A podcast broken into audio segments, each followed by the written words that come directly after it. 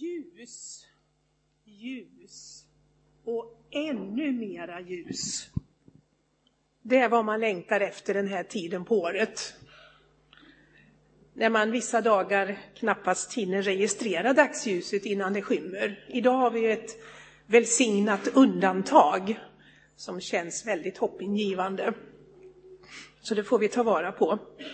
Men ibland kan man tycka att advent verkar ha anpassats efter oss nordbor som just nu går och väntar på ljusets återkomst. Men advent handlar ju om en annan återkomst som vi väntar på.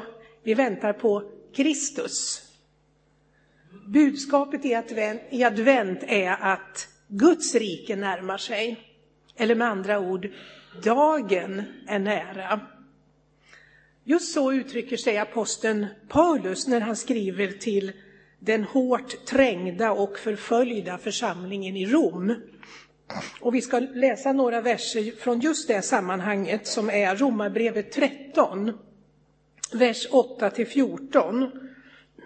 Romarbrevet 13, vers 8 till 14 och idag har jag valt folkbibeln. Var inte skyldiga någon något utom i detta att älska varandra. Den som älskar sin nästa har uppfyllt lagen. Buden. Du ska inte begå äktenskapsbrott, du ska inte mörda, du ska inte stjäla, du ska inte ha begär och alla andra bud sammanfattas i detta ord du ska älska din nästa som dig själv. Kärleken gör inte sin nästa något ont, alltså är kärleken lagens uppfyllelse. Gör detta och tänk på tiden att det är dags för er att vakna upp ur sömnen. Frälsningen är oss närmare nu än när vi kom till tro. Natten går mot sitt slut och dagen är nära. Låt oss därför lägga bort mörkrets gärningar och ta på oss ljusets vapenrustning. Låt oss leva värdigt som på dagen, inte med vilda fester och fylleri, inte med otukt och orger, inte med strid och avund. Nej, iklä er Herren Jesus Kristus och ha inte en sån omsorg om kroppen att begären väcks till liv. Vi tar en stund i bön och stillhet.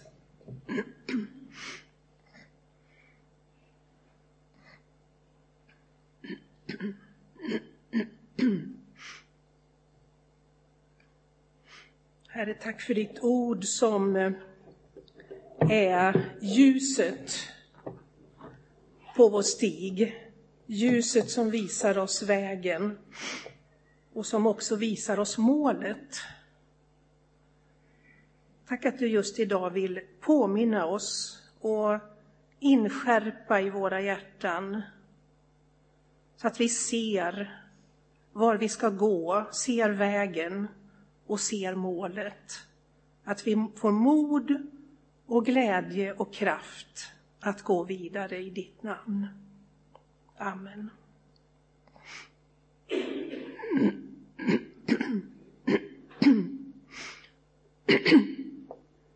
Dagen är nära och vi väntar på ljus.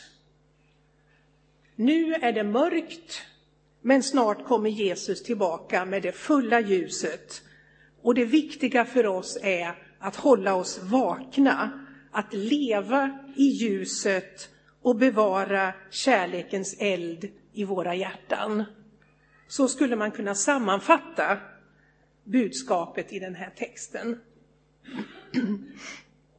Vi längtar efter ljus och under tiden som vi väntar måste vi vara rädda om det ljus som Gud har tänt i vår ande och i sin församling genom den helige Ande. Det är dags för er att vakna upp ur sömnen. Frälsningen är oss nu närmare än när vi kom till tro.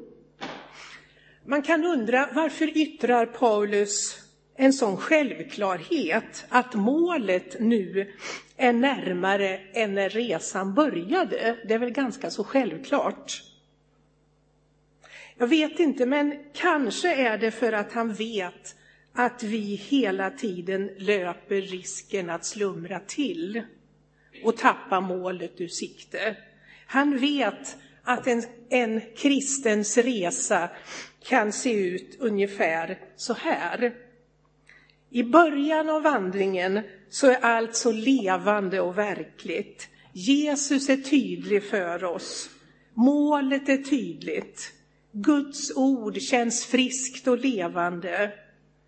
Vi hungrar efter mer och bönen präglas av närhet och värme. Och det är lätt att tala inte bara med Gud utan också om Gud.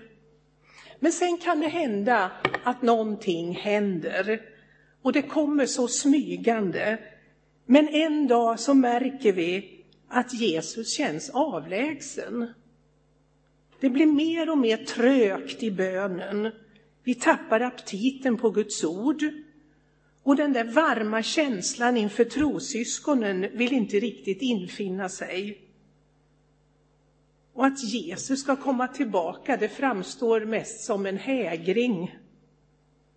Målet känns då definitivt mer avlägset än när vi först kom till tro. Det här att vi upplever en viss växling mellan ebb och flod i vårt andliga liv är inget konstigt. Utan så fungerar ju livet på alla områden. Och det är till hjälp för oss att inse att det gäller också på det andliga planet. Vi kan inte alltid så att säga vara här uppe, utan ibland så kommer vi ner i dalen och kanske till och med in i öknen. Och det där är också en del av Guds pedagogik. Det är bra om vi ser det. Men vi behöver också vara medvetna om vilka faror som lurar längs vägen och att det finns olika slags frestelser i olika skeden av livet. Och en av de frestelser som möter oss när vi drabbas av andlig torka, det är ju naturligtvis frestelsen att ge upp. Kanske inte på en gång, men lite grann i sänder. När Guds ord inte tycks ge mig något så slutar jag läsa. När bönen inte verkar nå längre än till taket så slutar jag be och så vidare. Vad gör man då i det läget? Ett gott råd är att samtala med någon som är förtrogen med stigarna i de andliga markerna. Och det finns också många goda böcker i genren andlig vägledning som kan hjälpa oss att tolka vår egen erfarenhet, både utifrån Guds ord och utifrån vad andra har erfarit. Och sen är det också viktigt att söka stillhet snarare än att själv försöka prestera en förändring. I klassisk andlig vägledning så betonas vikten av att uppöva förmågan till urskiljning. Så att vi kan se vad är det som pågår i vårt andliga liv. Till exempel, vilka särskilda frestelser är jag utsatt för just nu? Och då en särskild lömsk variant som man behöver vara uppmärksam på är den andliga likgiltigheten, apatin.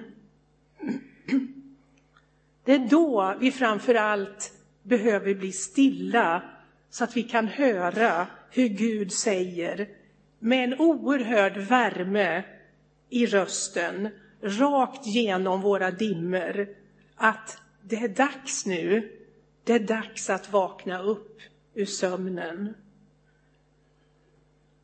Och det är för övrigt ingen annan röst än kärlekens röst som kan väcka oss till det liv i kärlek som vi är kallade till. Det går inte med bryska metoder att väcka oss till det andliga livet i Kristus. Men Gud talar och hans röst är varm och samtidigt bestämd.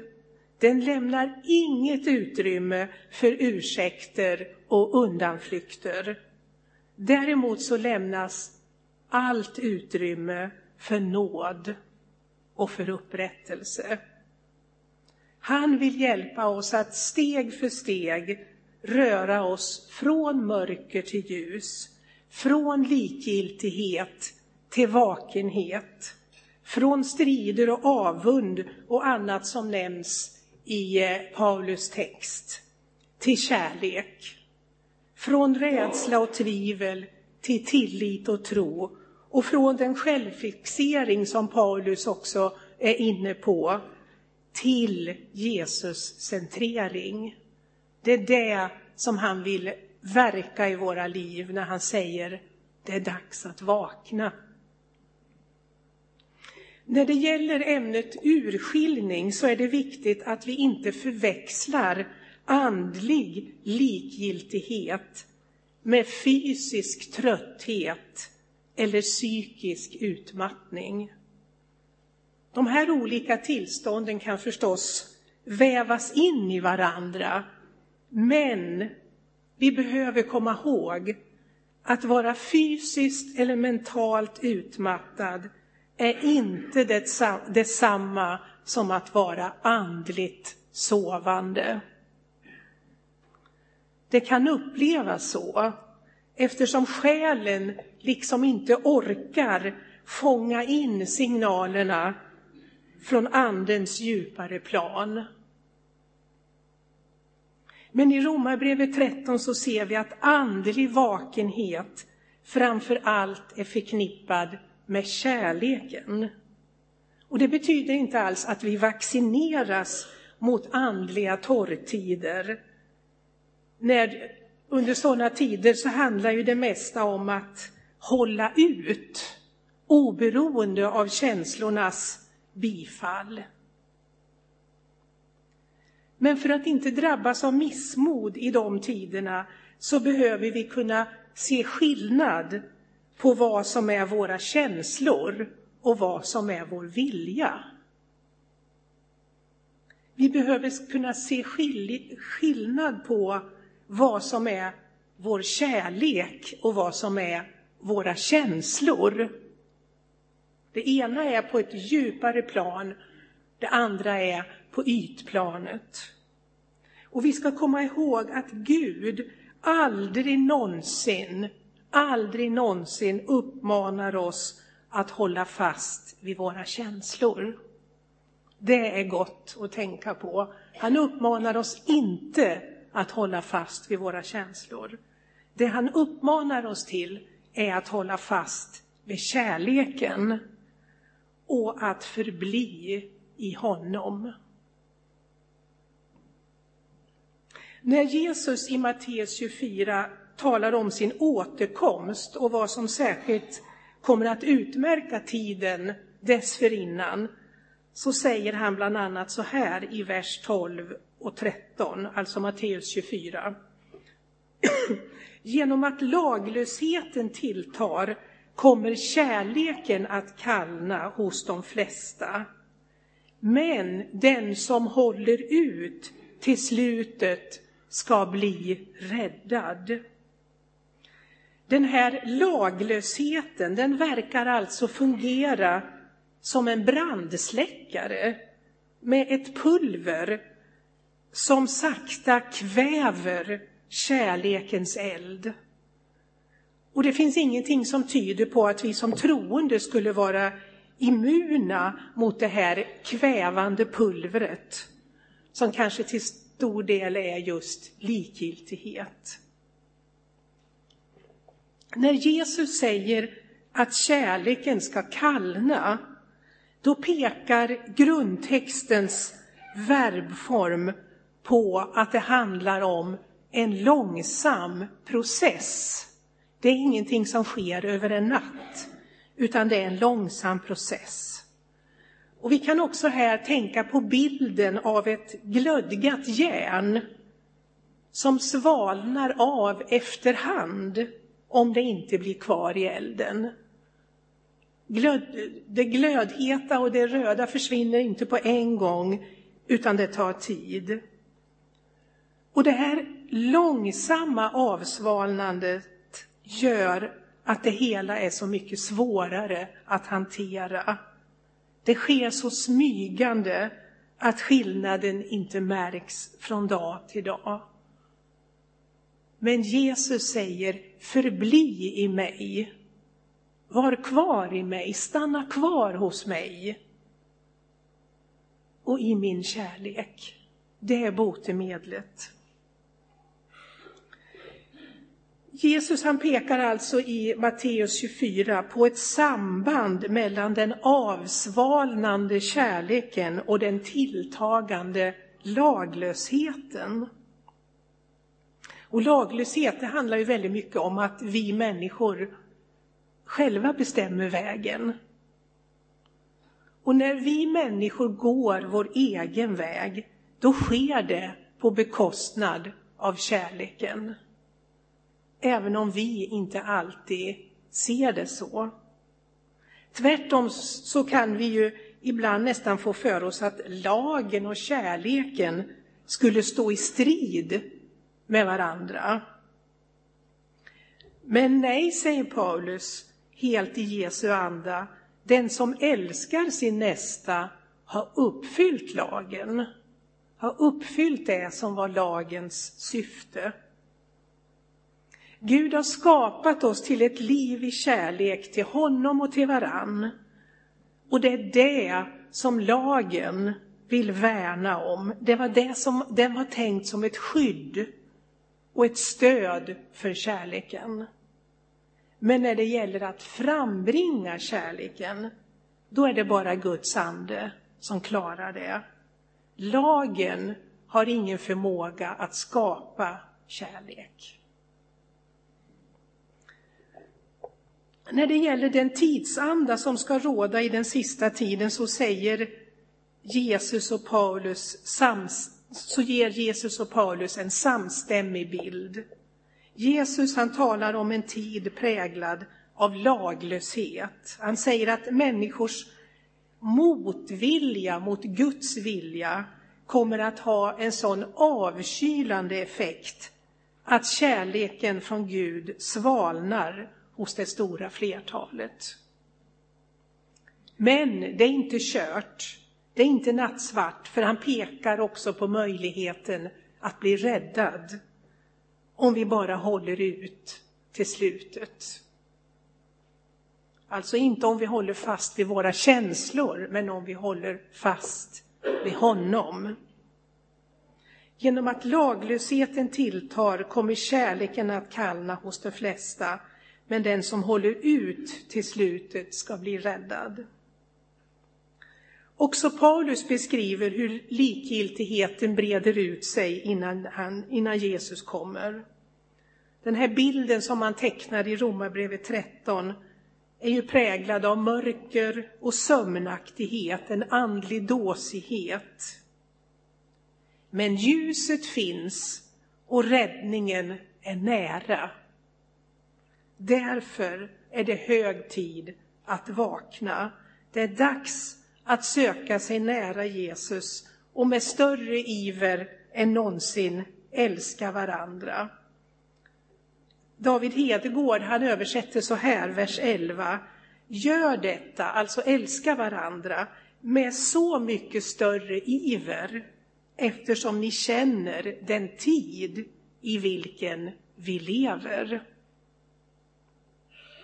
Med andra ord, den här subtila nedkylningsprocessen, när den tilltar, så behöver vi ännu mera värmas av Guds kärleks eld. När mörkret hotar behöver vi ta på oss ljusets vapenrustning. Som Paulus skriver här. Vi behöver alltså hölja oss i Kristus, omslutas av hans kärlek, av hans sanning, av hans rättfärdighet. Eller som Paulus uttrycker det i vers 14, vi behöver iklä oss Herren Jesus Kristus. Där har vi de värmande, ljusa kläderna som strålar av Jesu närvaro och som sprider sitt varma sken i mörkret. Iklä oss Herren Jesus Kristus och ta på oss ljusets vapenrustning. För att hålla ut till slutet så behöver vi på allt sätt motverka nerkylningen genom ständig uppvärmning. Och när den stora tröttheten vill gripa tag om våra hjärtan så behöver vi motverka mörkret genom att helt enkelt utsätta oss för ljuset.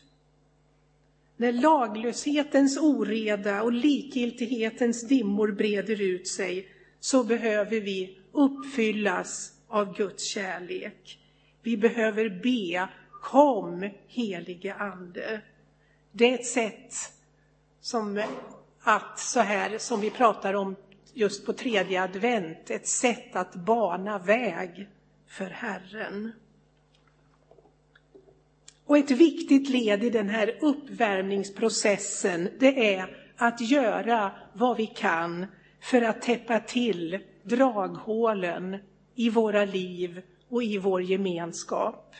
Vi behöver se över om det finns några revor i våra relationer till varann, där värmen sipprar ut och kylan smyger sig in. Älska varandra och tänk på tiden att det är dags för er att vakna upp ur sömnen. Det betyder också att det är dags att reda ut med varandra om det finns någonting som stoppar upp Guds kärleksflöde och hindrar ljuset att komma, ut, att komma in. Vi har inte råd att göra oss av med värmen. Är det inte just det här som Johannes också skriver om i sitt första brev? Faktiskt där Karina började, utan att vi visste om det. Men Johannes, första Johannes 1, 5-7. Jag läser. Detta är det budskap som vi har hört från Jesus och förkunnar för er. Att Gud är ljus och att inget mörker finns i honom. Om vi säger att vi har gemenskap med honom och vandrar i mörkret så ljuger vi och handlar inte efter sanningen. Men om vi vandrar i ljuset, liksom han är i ljuset, då har vi gemenskap med varandra och Jesu, hans sons blod, renar oss från all synd. Gud är ljus. Han vill dra oss in i sitt ljus. Han vill omsluta oss med ljusets rustning, alltså med Herren Jesus Kristus själv, så att vi kan hålla oss vakna i en tid när kärleken svalnar och mörkret tilltar. Vårt ansvar handlar inte om känslor. Det handlar snarare om vad vi gör med ljuset, hur vi tar emot ljuset. Vår respons handlar om hur vi vandrar i ljuset med Gud och med varandra. Natten går mot sitt slut och dagen är nära. Låt oss därför lägga bort mörkrets gärningar och ta på oss ljusets vapenrustning. Låt oss ta en stund i bön och stillhet och överlåtelse.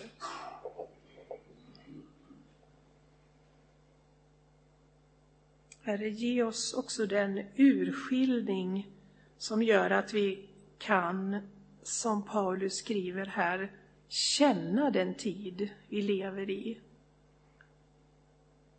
Att vi kan vara vakna och att vi kan, så att säga, avslöja tidens kyla och tidens mörker.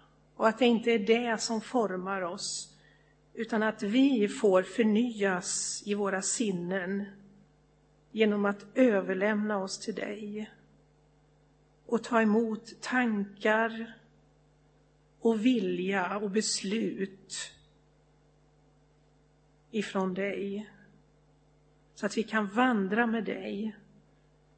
Att vi kan lyssna, höra din varma röst när du säger till oss, det är dags att vakna. Dagen är nära. Här finns ljusets vapenrustning. Du behöver den. Ni behöver den.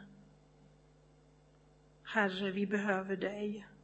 Vi behöver ljusets rustning för att möta den tid vi lever i och för att kunna hålla ut och förbli dig och även kunna lysa i den tid vi lever i så att människor ser att du lever, att ljuset finns.